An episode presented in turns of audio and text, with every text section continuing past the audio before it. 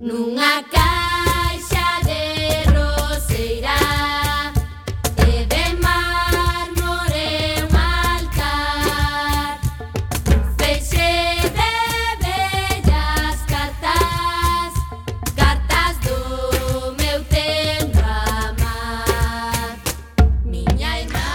Ola, que tal, recendeiras e recendeiros? Benvidas e benvidos a este espazo radiofónico semanal adicado á cultura que facemos en riguroso directo todos os martes ás 7 da tarde aquí en Coac FM, a Radio Comunitaria da Coruña.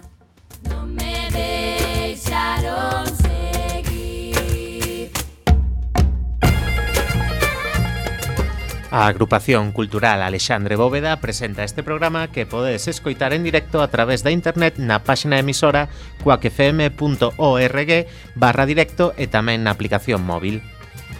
E se non chegaches a tempo non tes excusa, camarada podes descargar todos os programas xa emitidos en Radioco ou Megapodcast da nosa emisora ou tamén podedes escoitalo na redifusión, que será os mércores ás 8 da mañá, os venres ás 13 horas e na madrugada do domingo ao luns ás 12 da noite. E a partir de agora, seguídenos nas redes sociais, tanto deste programa Recendo como da propia agrupación cultural Alexandre Bóveda, que teñen abertos os seus canais en Twitter e Facebook, ou na web www.acalexandrebóveda.gal.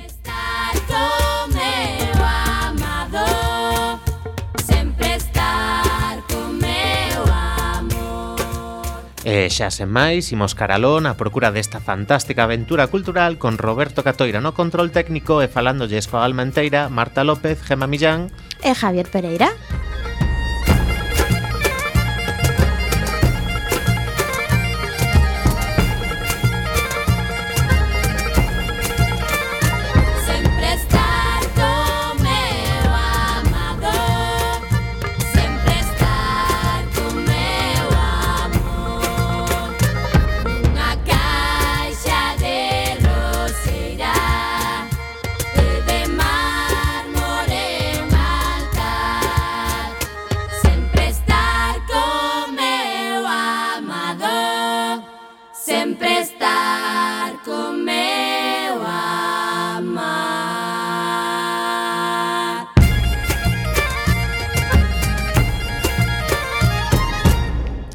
en Recendo chegamos ao programa número 298. Estarán connosco dous integrantes da Hermandade, Moncho Valcárcel, Xacome Santos, secretario, e Gumersindo Campaña, directivo e compañeiro de Moncho como cura. Oxe teremos a sección de literatura a cargo de Biblos Clube de Lectores e falaremos das actividades da nosa agrupación e das outras cousas que se fan na Coruña e na Galiza e que tamén son cultura. E con respecto á música de hoxe, dicirvos que Fuxan os Ventos foi un dos grupos máis reivindicativos na época na que Moncho Valcarce protagonizou os actos públicos que o fixeron famoso. Incluso compuxeron unha cantiga sobre o conflicto das encrobas.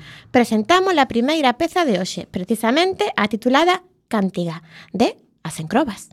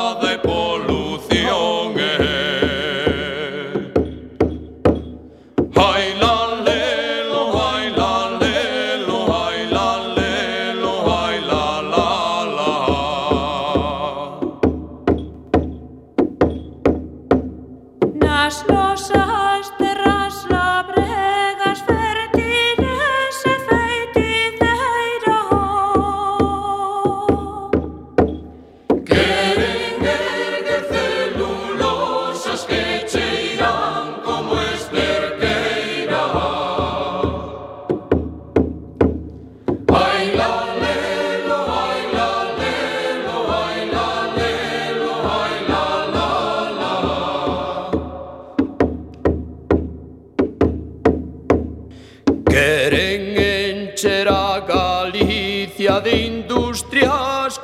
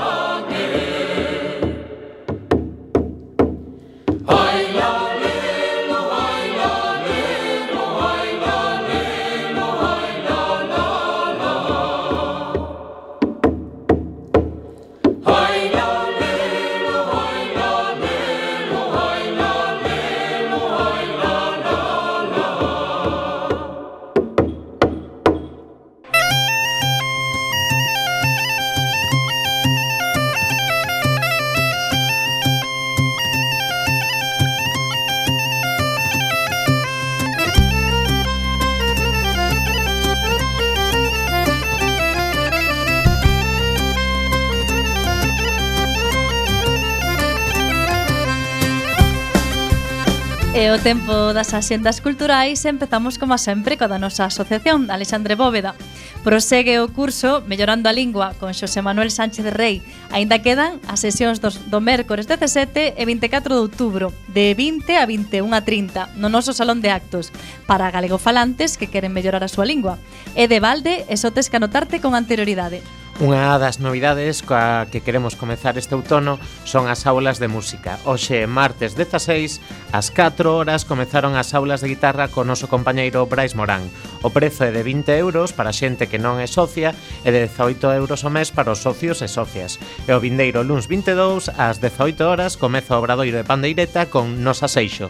O prezo é de 15 euros para xente que non só de socios e de 13 euros para socias. O veterano economista e matemático portugués José Vieira, agora afincado na Galiza, presenta a súa obra A Nova Orde. Existe un camiño de esperanza, na que fala de temas como o novo panorama laboral e a renda básica incondicional. Será o xoves 18 ás 20 horas no Salón de Actos.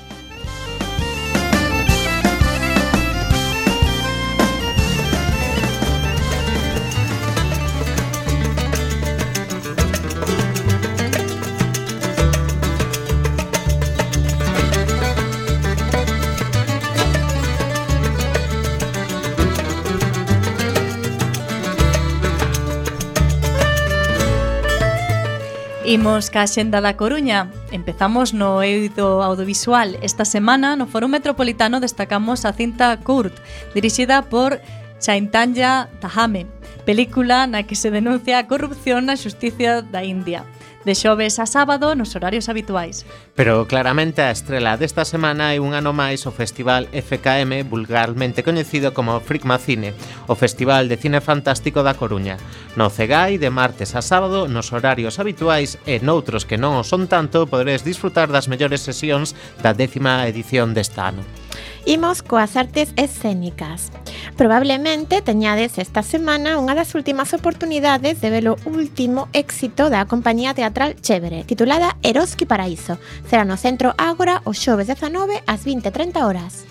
A compañía de teatro infantil Baobab Teatro representa a obra Pum Pum, Marieta é unha nena de 5 anos como a outra calquera, que está rodeada de portas que se abren e lle contan historias.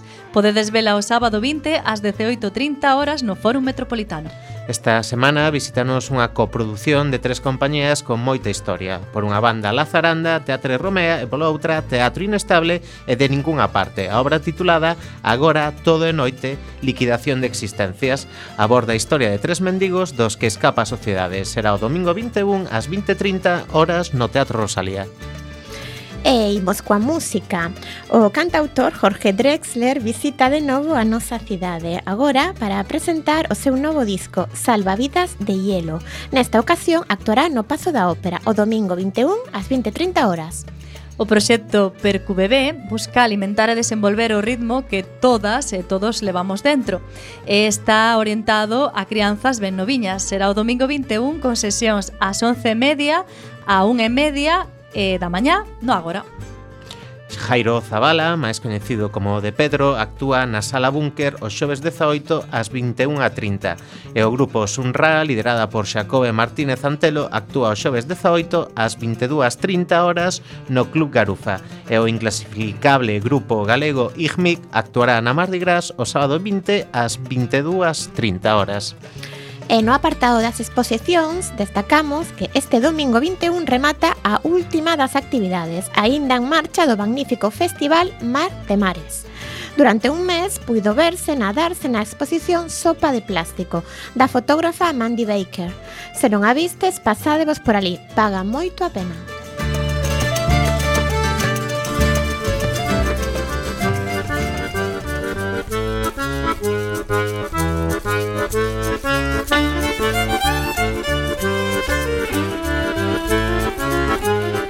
E a quenda da Xenda de Galiza empezamos por Lugo. Maren Labson preséntase como unha firme promesa do panorama musical coa súa combinación galego-estadounidense, temas que falan de autoafirmación, do paso á vida adulta e de ser unha muller adolescente, paseando por terreos de pop, rock e folk. O seu concerto terá lugar o sábado 20 ás 13.30 no Jogruf. E onde se atopa o Jogruf?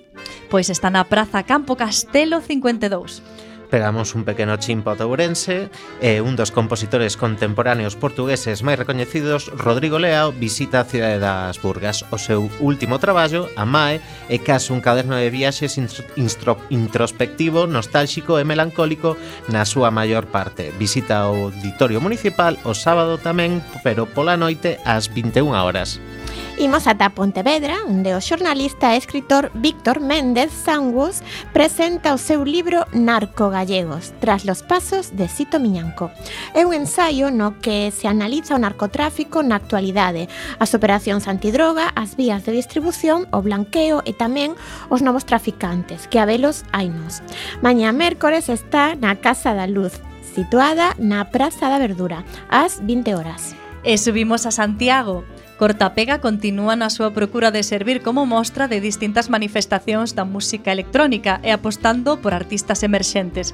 Nesta quinta edición, o espazo que albergará o festival será a Sala Malatesta, con propostas heteroxéneas coas que reivindicar a riqueza de estilos que ofrece a música electrónica e dando un claro protagonismo a formatos live pense en valo, ponse en valor un cartel ecléctico encabezado polo norteamericano Container e o seu tecno de alto voltaxe. A fértil escena electrónica galegas terá unha presenza moi destacada na Rúa de San Lorenzo o sábado a partir das 22.30. Imos agora ata Vigo e M2 traenos a Leituga unha montaxe dirixida por Víctor Duplá sobre un texto do venezolano César Sierra. Achega unha reflexión teatral sobre o reparto dos cuidados e sobre a dificultade das relacións familiares a través de cinco personaxes. Afonda nos temas da dignidade humana, o dereito á vida e o dereito á morte, mentres reflexiona sobre as relacións, os vínculos e a lealdade familiar. Venres e sábado ás 21 horas no Auditorio Municipal. Subimos ata Ferrol. Os Soños na Gaiola de Manuel María é unha obra de Moni Creques para público infantil e familiar que supón a homenaxe que Títeres Alacrán e o dramaturgo e director Roy Vidal lle quixeron facer o poeta no ano no que se lle adicou o Día das Letras Galegas. O espectáculo deixase levar polo influxo de Alicia no País das Maravillas de Lewis Carroll para ofrecer unha mirada nova sobre os poemas do libro co obxectivo de achegar O mundo rural da infancia do poeta Chairego. Podedes vela o sábado ás 18 no Centro Cívico de Caranza. E hoxe como vila convidada imos a Lalín, máis teatro con seis cubos negros en corpo branco. Unha traxicomedia de aporía escénica sobre a opresión familiar e social, con tinturas de humor negro e absurdo e referencias ao universo lorquiano de A Casa de Bernarda Alba. Seis actrices en escena habitan un espazo en branco e negro, subxugadas pola unipresencia do frío que emana do gran frigorífico branco, suspendidas no tempo, a cabalo de dúas épocas, a analóxica e a digital. Asistimos á desconxelación gradual dos corpos nunha inquietante atmósfera na que se destacan os queixidos do violín, no Salón Teatro ás 21.30 do Benres 19.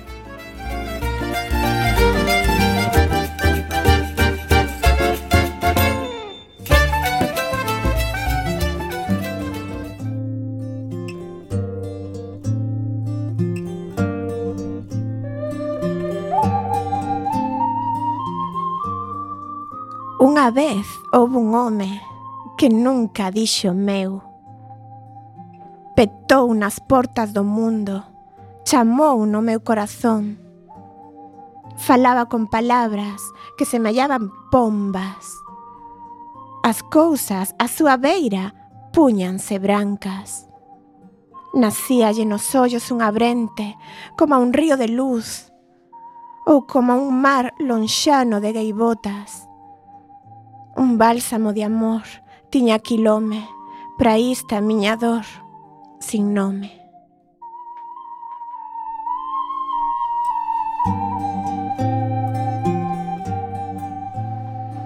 Acabades de escoitar o poema titulado Unha vez de Celso Emilio Ferreiro, pertencente ao seu poemario Longa noite de pedra, publicado no ano 1962.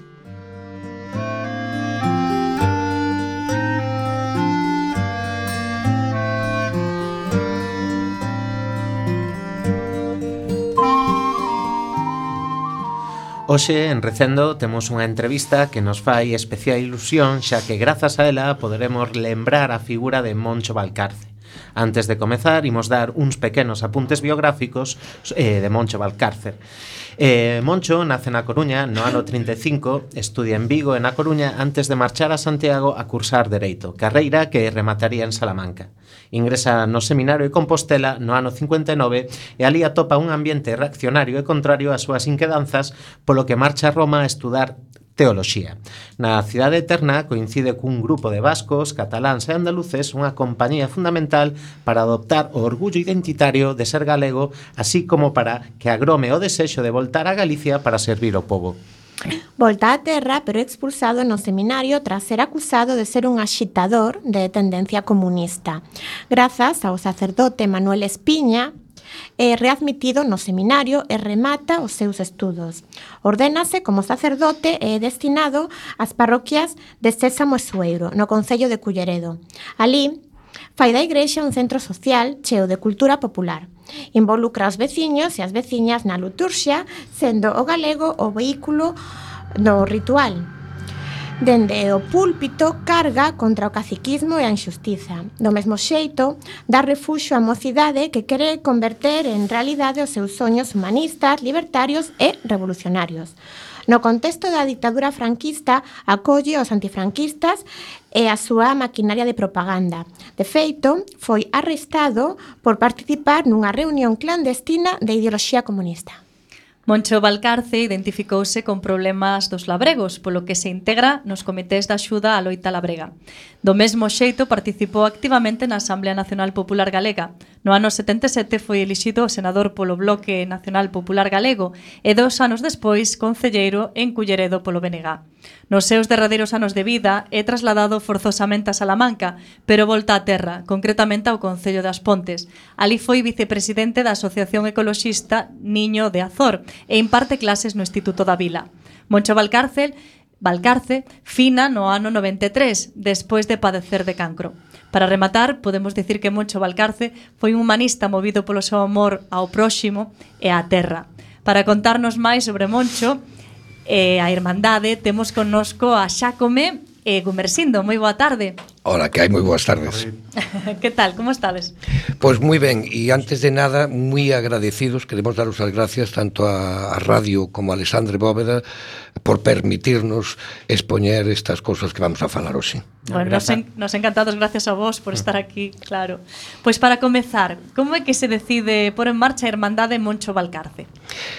Pois eh, a figura de Moncho desgraciadamente eh, non interesa reivindicala en moitos ámbitos.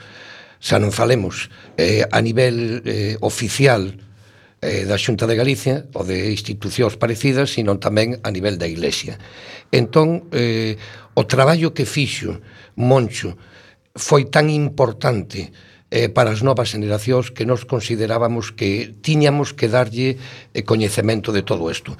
Pero non somentes eh, pola figura en sí de Moncho, sino porque ademais Moncho viviu unos momentos moi determinados entre a caída eh, do fascismo, da ditadura e a chegada da democracia. Moncho liderou, mm, despois falaremos desas loitas seguramente, as mm, loitas máis importantes que houbo en este país eh, tanto durante a ditadura como nunha época moi difícil que foi en esa chamada predemocracia. democracia toda canta loita importante houve este país a nivel eh, rural liderou nas Moncho, empezando polas encrobas, Sobe, Valdallo, Cota Empresarial, Folga de Leite, etc. etc. Entón queríamos eh, que, a, que a xente supera, coñecera eh, a dimensión política e humán que tiña Moncho.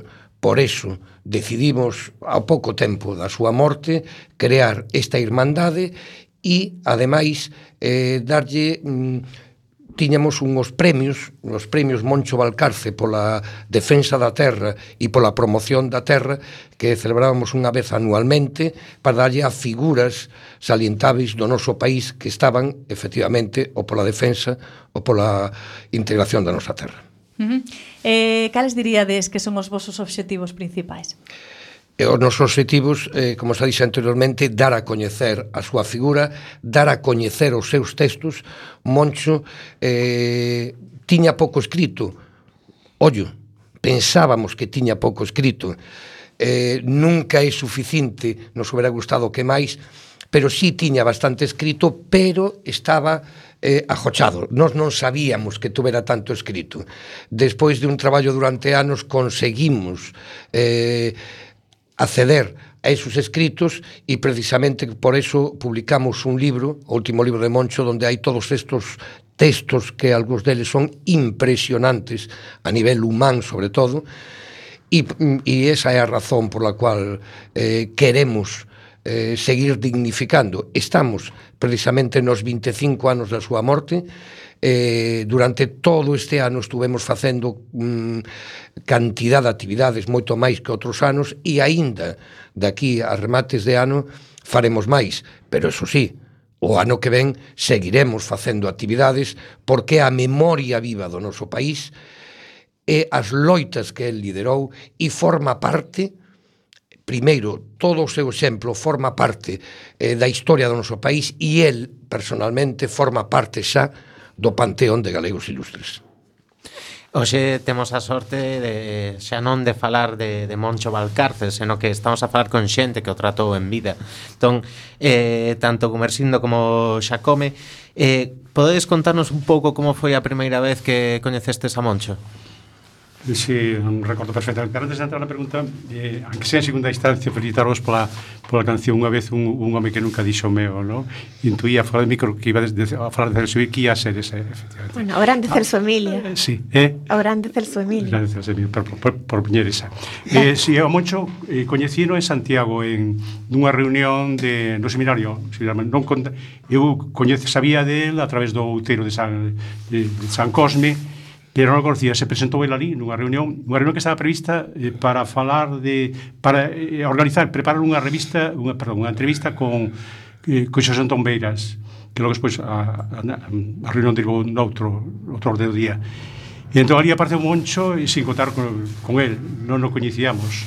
Eh, e logo despois, iso sería o primeiro momento, E logo, en segundo momento, foi aquí na Coruña, xa, eso era no ano eh, 1964, o último, penúltimo ano do, do franquismo.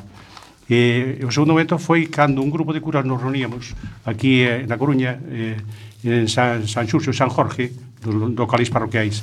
Había dous grupos, un grupo máis amplio e un grupo máis pequeno. Entón, editábamos, que é importante un pouco para a súa biografía, é dicir, eh, editábamos un, era un grupo, chamase, mar, é dicir, era un grupo marroxo, é dicir, editábamos unha revista, eh, un pequeno boletín que se titulaba Marroxo, o nome ten connotacións é importante dentro para o proceso de politización de Moncho porque eh, si era titulábase Boletín de Información Política para, para Cregos, era no 75 eh, no verán, é dicir, os últimos meses da, do franquismo e que nos costou moito bucionealo, no? logo por aí, bucionamos.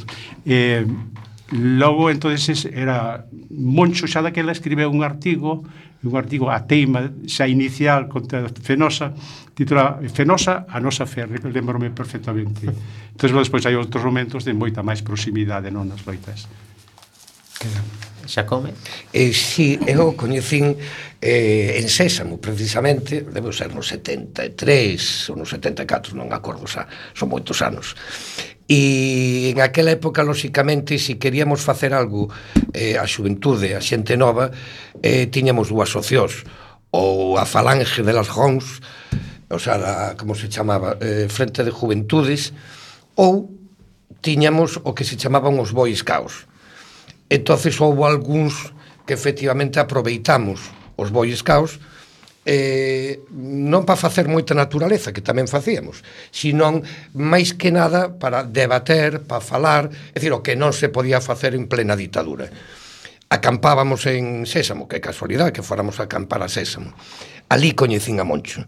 Ali foi cando collín contacto a primeira vez con Moncho, eu levaba un grupo, e xa a partir de aí pois como eu militaba no nacionalismo, eh, xa empezamos a meternos un pouco máis, xa empezamos a relacionarnos, e despois sabimos dentro do nacionalismo que Moncho podía ser unha figura importante eh, para este país, e entonces xa, eh, tuvemos outra relación, xa fun convencendo con outra xente de que o camiño que había que facer pois era o camiño do nacionalismo cara a plantexar as loitas contra o fascismo.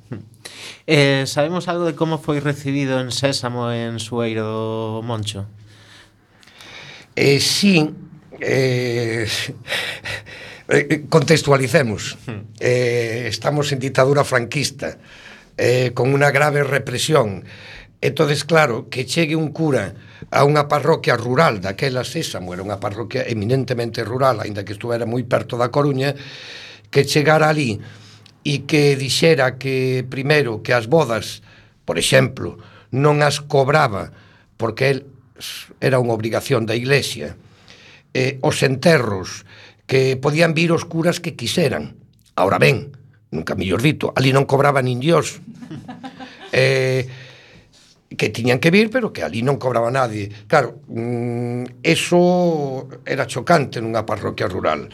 Eh, ademais, eh, as misas eh, eran moi distintas. Hoxendía non somos conscientes, pero daquelas eran, digamos, como se si foran un pouco asambleas.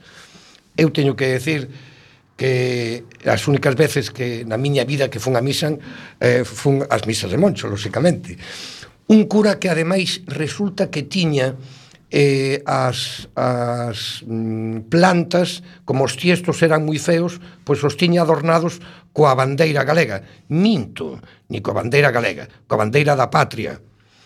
Eh, que subía San Cosme e San Damián eh, cando era a romería o subía cada un agarrado pola bandeira de Galicia eh, etcétera, etcétera Pode decir, entonces claro, eso choca moito choca moito entón non é que fora mal recibido pero con moito receo, lóxicamente. Nos estábamos eh, asustados eh, de que como recibiría a xente. Pero cando nos dimos conta o impacto, o a laboura e o traballo de Moncho foi eh, a primeira vez que o detuveron eh, e que en vez de mandalo á cárcel o bispo mandou no, bueno, esos retiros que teñen eles sin poder salir Entón o arzobispo mandou ali a un compañeiro seu, lóxicamente, estuvo un mes eh, eh, en aquela prisión, tiña que decir outro cura misa. Eh, era un amigo de Moncho e coñecido dos veciños das Encrobas. Bueno, pois non dixo misa. Porque ali había un piquete de xente que lle decía perdónenos, pero mentras non veña don Ramón, aquí non di misa nin Dios. E é importante por o aspecto eh, da muller, do papel que representou e sigue representar a muller en este país, que o piquete estaba formado, unha, fundamentalmente por mulleres, e dúas, e isto é importante no mundo rural daquela época, por xente maior que era a que en un principio tiña que ter máis recelos por todo o que fixera Moncho.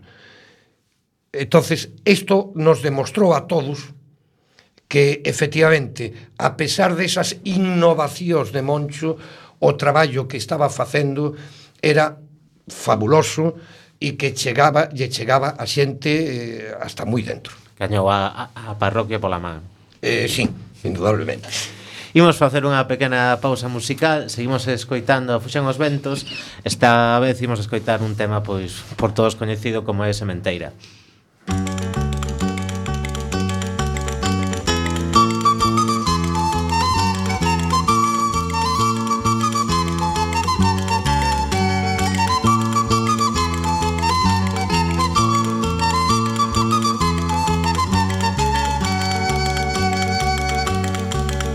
Sementar, sementarei, loguiño de crarear En tanto no povo medre un meniño, un bello e un cantar.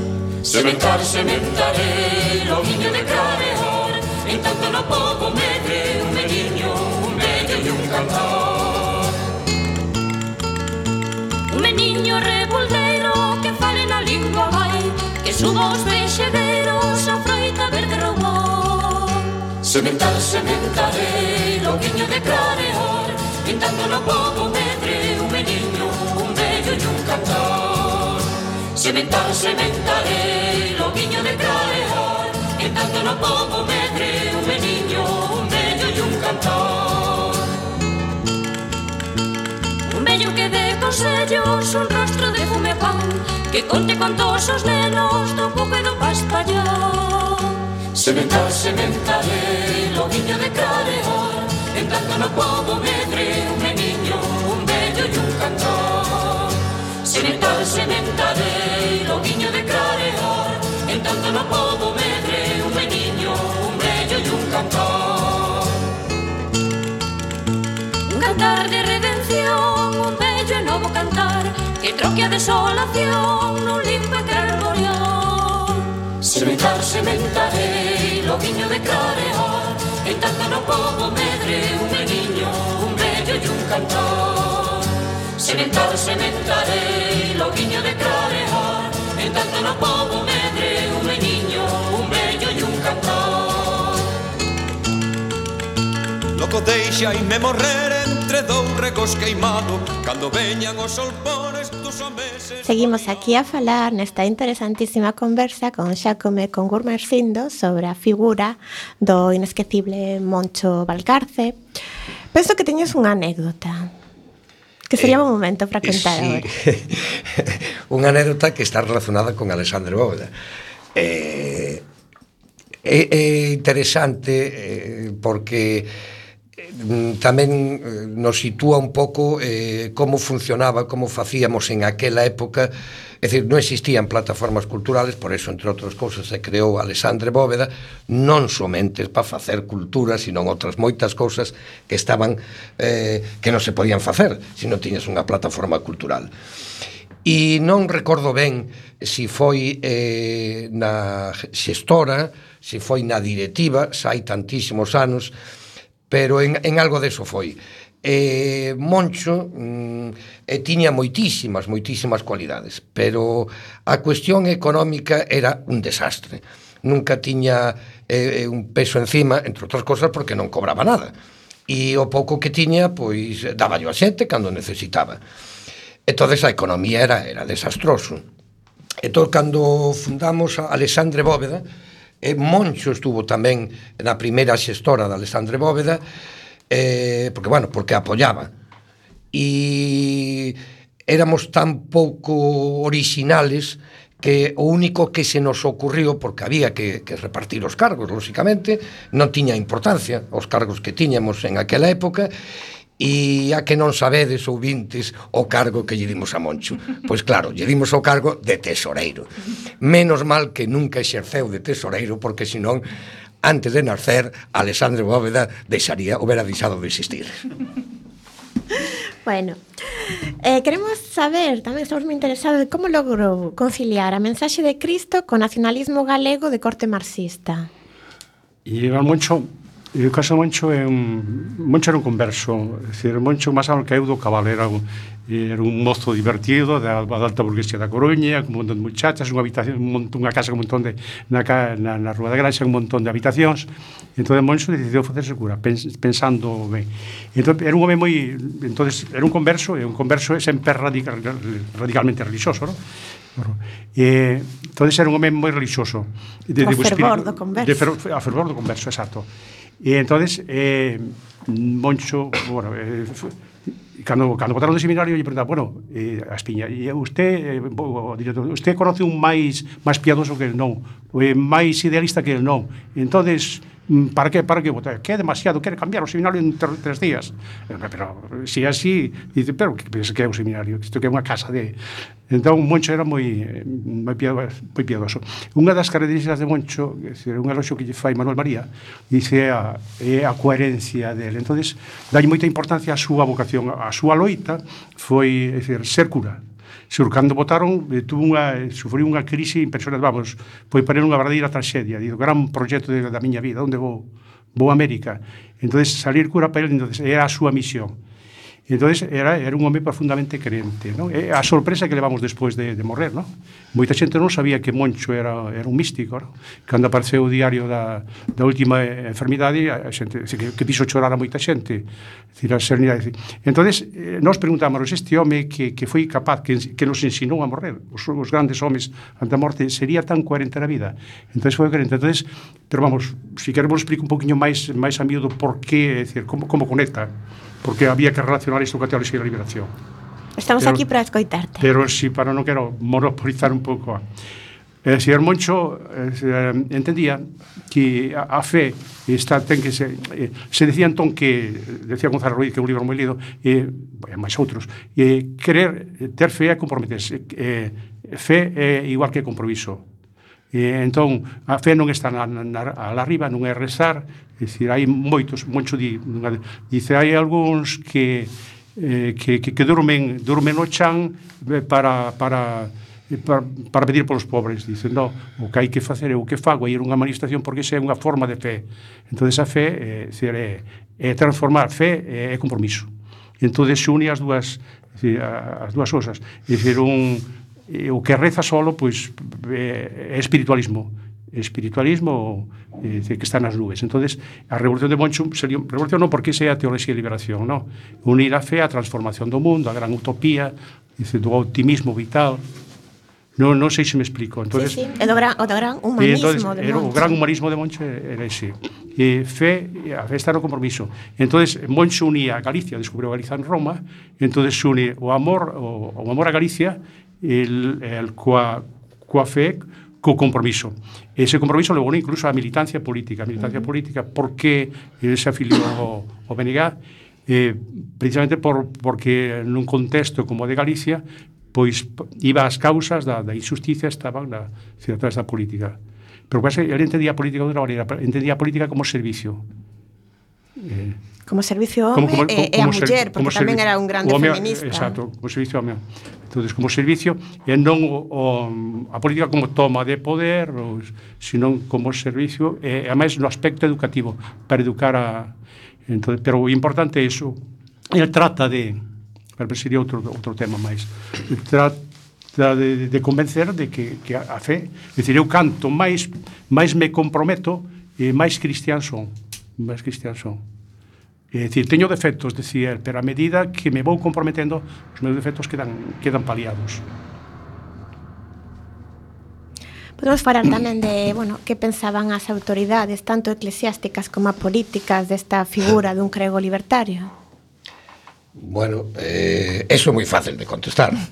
É decir, despois de todas as multas que lle meteron eh, o correspondentes gobernadores civil, pois xa te podes imaginar o que pensaban as autoridades del. Eh, eso por unha parte. Eh, e me vai perdonar Gomersindo que o mellor faleu desta cousa, e as eclesiásticas exactamente o mismo. Ollo, o que hai institución.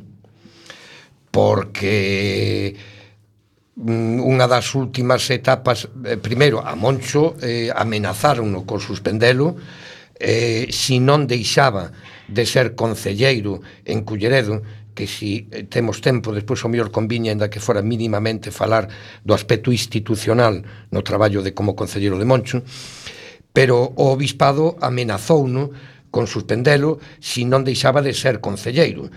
Moncho, claro, Moncho contestoulles que, bueno, que vale, que el deixaba de ser concelleiro, sempre e cando tamén deixaran de ser concelleiros todos aqueles alcaldes e concelleiros de Galicia que eran do Partido Popular, cousa as que nunca lle dixeran o mismo que lle dixeran a Moncho.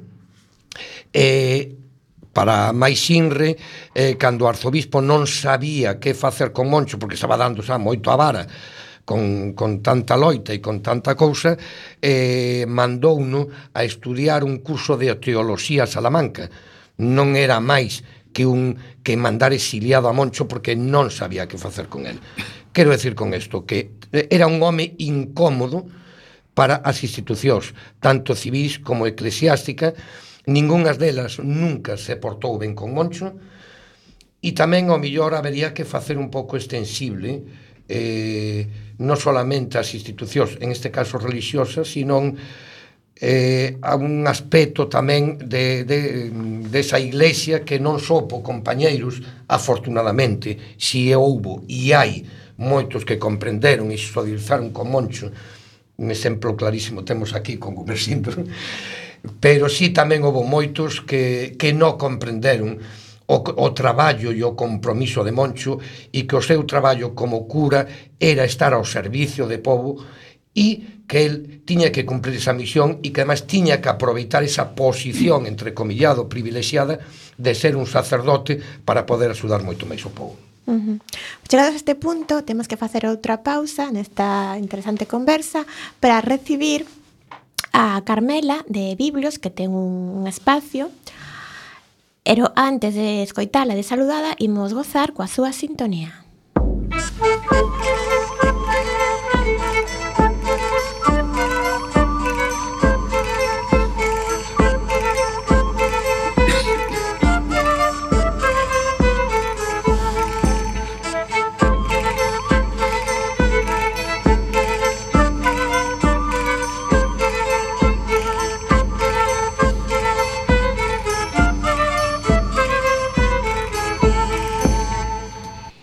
Moi boa tarde, Carmela. Hola, que tal? Boa tarde. Estreamos tempada outra vez, encantada de saludarte, de escoitarte. Pois o mesmo digo, por suposto. Que nos bueno, contas hoxe? Pois, como onte se celebrou o Día das Escritoras, eh, comezarei por falar dun libro escrito por unha muller. Eh, elixín Cendeiras, que é a primeira novela da xove escritora Antía Yáñez. Ainda que versa sobre unha temática de tanta actualidade como crueza, os malos tratos, eh, direi que, que a lectura resulta, ou a min me resultou grata, pois grazas ao estilo narrativo áxil da, da autora, eh, que fixo un esforzo, mm, penso que grande, eh, por dar voz a mulleres senlleiras do pasado que en medidas moi distintas e tamén con resultados ben diferentes pois se esforzaron por dar visibilidade á causa feminina. E a novela eh, mereceu o premio Illa Nova deste ano.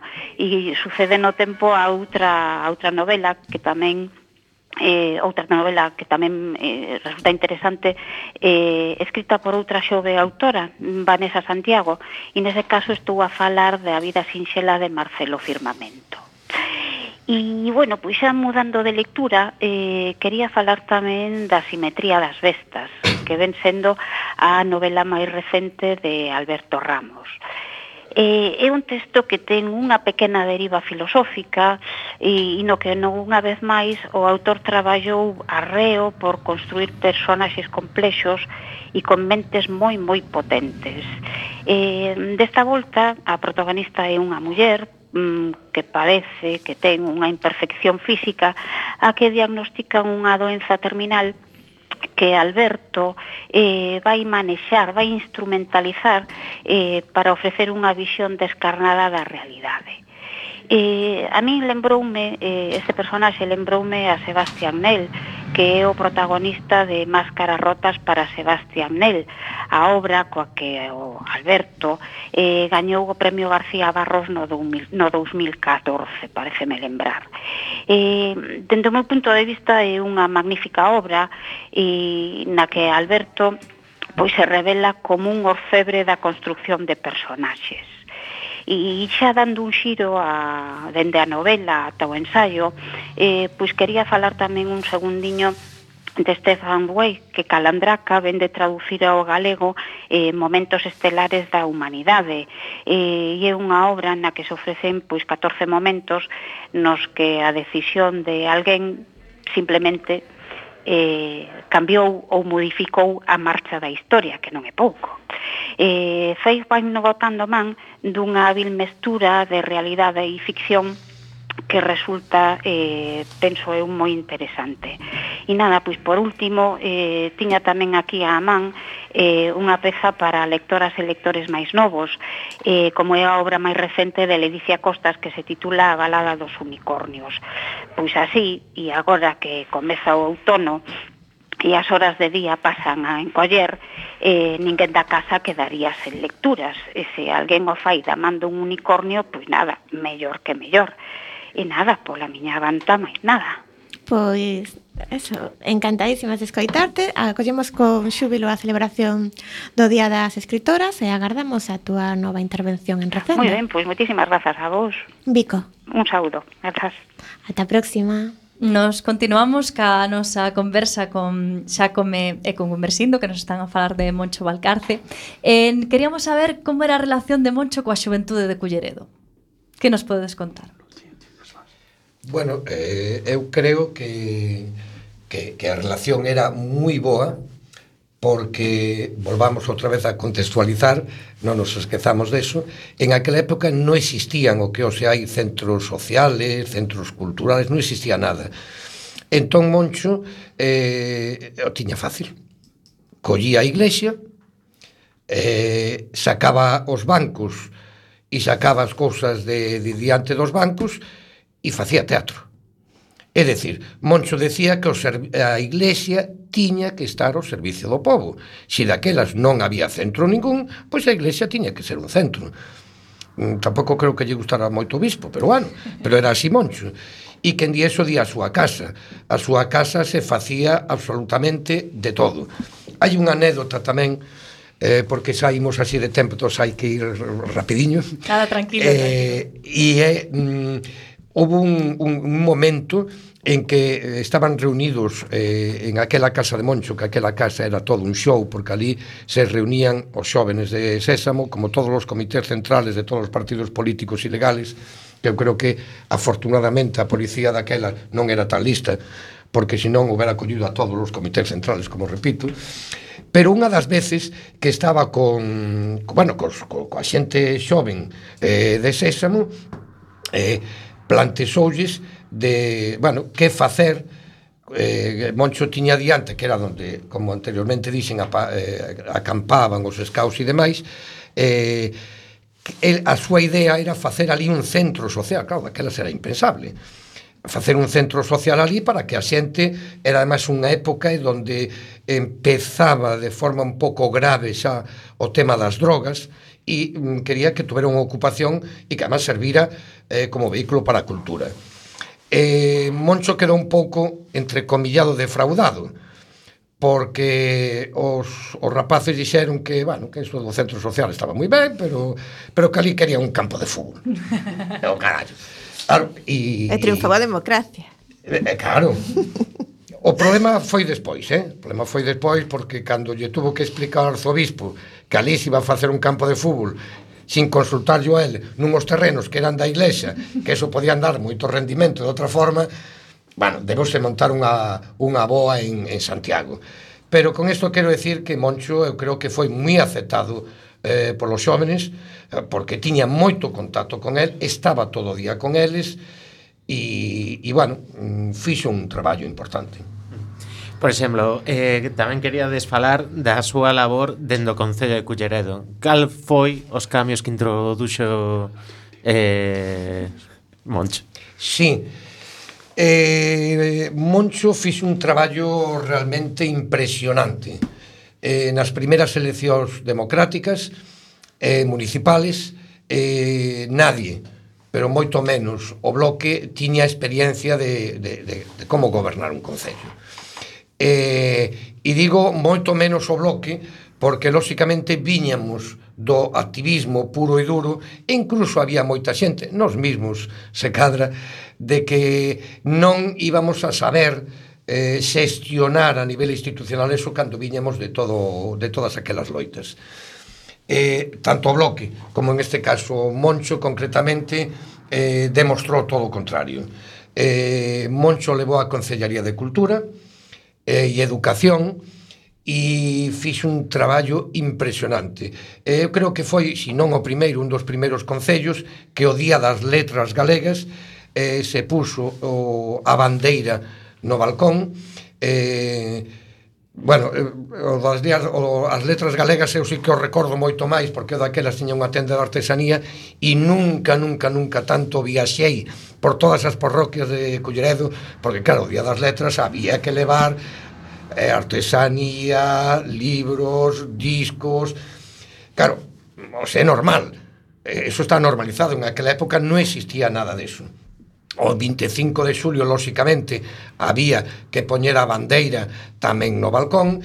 Eh, traballaba cos pais eh, dos alumnos, fixo moito a nivel educativo, eh, levando os nenos á piscina, tampouco en aquela época existía, eh, foi a primeira vez, foi el quen implantou, digamos, de alguna forma, os alcaldes de barrio no mundo rural, eh, entonces fixo un traballo importantísimo, de tal xeito que eh, el tamén algo que hoxe en día non se fai en política, co alcalde non, eh, non tiña ningún pacto firmado.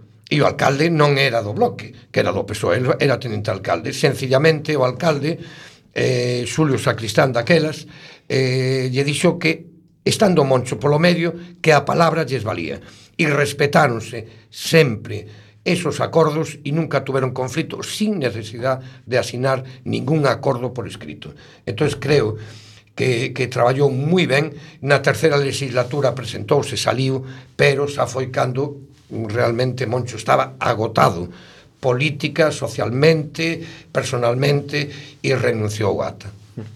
Eh, Gumersin, estamos quedando sen tempo, pero gustaríanos moito que nos contases cal pensas ti que é a mensaxe ou a lección que teríamos que recordar de, de Moncho. Eh, Moncho é un referente de futuro. É dicir, o último libro que, se, que escribiu máis completo, non? no que tratamos de buscar as claves, as claves políticas, do libro de Moncho, eh, un símbolo. Para Galicia e aparece aí se destaca eh, tamén a proyección futura. Moncho é un personaxe de futuro. Non sei, falei antes do que decía Manuel María. Manuel María, que decía eso que era un personaxe, decir, e a gran virtude de Moncho é a coherencia. A coherencia, como que descubreu Galicia, descubre é desde, desde esa coherencia lle dá unha enorme eficacia, pero esa coherencia ata ata o final, unha coherencia que eso, eh, precisamente ese é o que o fai, que o fai grande, grande a Moncho entonces está chamado a, a ser, decir, hai moitos retos, retos pendentes eh, tanto na Iglesia como na sociedade. Decir, a, a Iglesia galega, pois, decir, é, é de pena, non? En este momento. Decir, en concreto a diócese de Santiago. E entonces a relación de Iglesia con sociedade é unha relación moi pobre. Eh, relación moi pobre. É dicir, unha, unha iglesia de espaldas allea á lingua, allea á cultura, allí, a, allí os problemas sociais. Entón, ten uns retos grandes. Entón, sempre Moncho sería unha, dicir, un guieiro, dicir, un, sí, un camiño que para, para seguir por aí. E, de cara á sociedade é moi importante tamén no debate que hai entre entre marxismo non é, é dicir, sí, se queredes entre marxismo e cristianismo, Marx dice a iglesia a religión é o opio do povo exemplos como de Moncho, que xa nos anos 70 se decía, por exemplo o Lombardo Radice, os, os comunistas italianos decía que unha religión ben, ben, ben decir, vivida auténticamente pois é liberadora do ser liberador. Entón, nese debate, eh, Moncho é un referente para, para establecer un diálogo entre a, entre a Iglesia e a sociedade. A Iglesia, é dicir, o cura é un ciudadano, que decía Moncho. Entonces, eh, logo Moncho sería en Galicia eh, o, o maior representante da teoloxía de liberación. É dicir, todo o que di Moncho de, de política e religión é a, é a, é a, a famosa teoloxía de liberación que revolucionou Latinoamérica, non? hoxe onde canonizaron a Monseñor Romero que era nesa línea. Entón Moncho pudera ser un punto de diálogo entre unha iglesia que, que fora servidora da, da humanidade.